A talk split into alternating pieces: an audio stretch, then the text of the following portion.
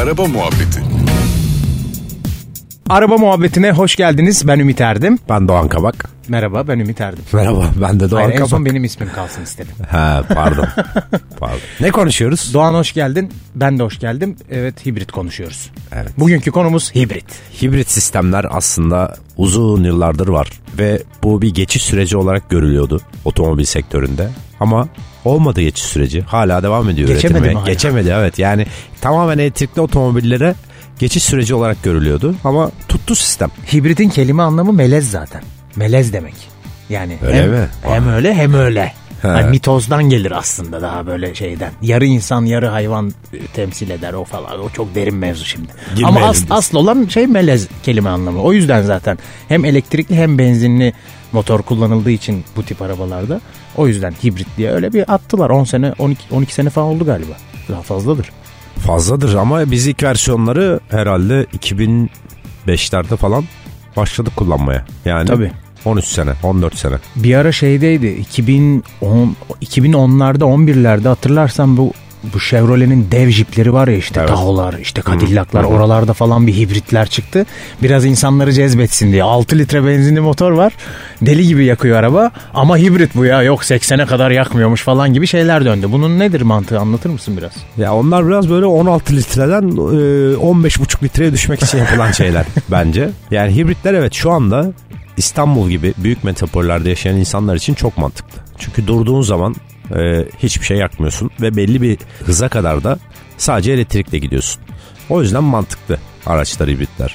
Büyük şehirlerde yaşayan insanlar için tabii. Günde kaç kilometre yaptığınızda, ne kadar trafiğe girdiğinizle alakalı şeyler bunlar. İyi tartıp biçip öyle almak lazım. Ama e, şuna inanıyorum insanlarımız artık hibriti biliyorlar, tanıyorlar. Bu güzel bir şey. Yani bundan 3 sene öncesine kadar mesela bayağı bir çelişkiler vardı. Ama artık herkes biliyor. E, ben de seviniyorum bunu açıkçası. Bir video çekecektim mesela bununla ilgili. Çekemedim. Genelde e, valeler hibrit otomobilleri aldıklarında otomobil çalışıyor olsa bile tekrar engine start stop düğmesine bir kere basıyorlardı. Oo. Ben de bununla ilgili bir, bir çünkü hayır çalış çalışmıyor Tabii, ya araba. aynen. Sessizde duruyor. E, motor çalışmıyor yani elektrik motorunda bırakıyorsun sen arabayı. Çekemedim videoyu. Neden? Çünkü hiçbir vale artık bunu yapmıyor. Hmm. Direkt vitese takıp devam ediyorlar. Yani artık herkes hibrit otomobilleri anlamış durumda. Plug-in hibritler biraz kafa karıştırıyor. Plug-in hibrit dediğimiz şey de aslında şarj edilebilir hibrit. Yani bir normal elektrikli otomobil gibi onun pilini şarj edebiliyorsunuz. Normalde bu eski tip hibritlerde var olan benzinli motor biraz böyle işte bizim jeneratör mantığında çalışıp aslında birbirini şarj ediyordu değil mi? Öyle şeyler de vardı. Mesela üretim yurdu Fisker Karma vardı bunun ilk- örneklerinden. Yani tarihte de muhtemelen örneği vardır da yakın örneklerinden bir tanesi. Fisker Karma'ydı işte bir süper spor otomobil formunda. Ve o tamamen jeneratör görevi görüyordu. Evet. Yani pili şarj etmek için kullanıyordu. Tahrik yoktu hiçbir şekilde. O aslında tam olarak hibrit olarak geçmiyor otomobil. Evet yani o biraz aslında elektrikli bir şey. Aa. Çünkü tahrik yok. Ya bizde de- ülkemiz için şöyle bir sıkıntı var aslında. Biraz hibrit yani hibrit araba alacağım ben ve bunun tabanında aslında bilinç altında ekonomi yatıyor. Sen ekonomi yapmak için hibrit araba alıyorsun. Doğru okey çok trafik var İstanbul'da ekonomik olsun. Fakat ekonomi yapayım derken şimdi bazı mesela marka modellerde şöyle sıkıntılar var. Hibrit olarak alıyorsun süper. E, fakat içindeki benzinli motor 1.8 abi. Dolayısıyla çok çılgın bir vergi dilimine giriyor. E, aslında ekonomi yapayım derken yapamıyorsun gibi bir şey oluyor. Bu tabii bizim ülkemizdeki vergi sistemine mahsus bir durum. Hani adamın ürettiği arabayla ilgili sorun yok aslında da. Biraz öyle bir şeyler var şu anda mesela gündemde. O Ama- biraz sıkıntı. bir şey çıktı biliyorsun. Bir teşvik çıktı bununla ilgili biliyorsun. Ee, 1.8'e kadar olan motorlarda bir teşvik var şu anda. İki sene oldu sanırım çıkalı. O bayağı sat- satışları da etkiledi zaten. Aynen öyle.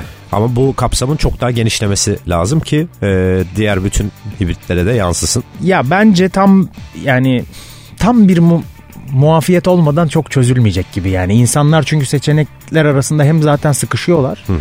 E bir de bunun üstüne abi yok orada indirim var şöyle var böyle. Ya tam böyle bir teşvik için aslında tam muafiyet gerekiyor bence. Motosiklet için de aynı şey geçerli. Yani bir, bir şeyin kullanımını teşvik etmek için çok acayip bir uçurum olması lazım arasında. Biz henüz o uçurumu sunamadık insanlara. Bence de e, bence insanların bir de denemesi lazım bu otomobilleri. Kullan, kullanıp kendilerini görmesi lazım. Biz ne kadar anlatırsak anlatalım tabii ki bir fikir oluşuyor. Ama e, her gün inanılmaz trafik yaşayarak işe ya da eve giden insanların bu otomobili kullanıp kendi deneyimleyip yakıt tüketiminde ne kadar aşağıya düştüklerini kendileri deneyimlerse eğer bence çok faydalı olacak. Ülkemizde bulunan otomobil markalarının yarısından fazlasında neredeyse hibrit model artık var. Ee, bayilere gidip test edin bence. Bu deneyimi yaşayın.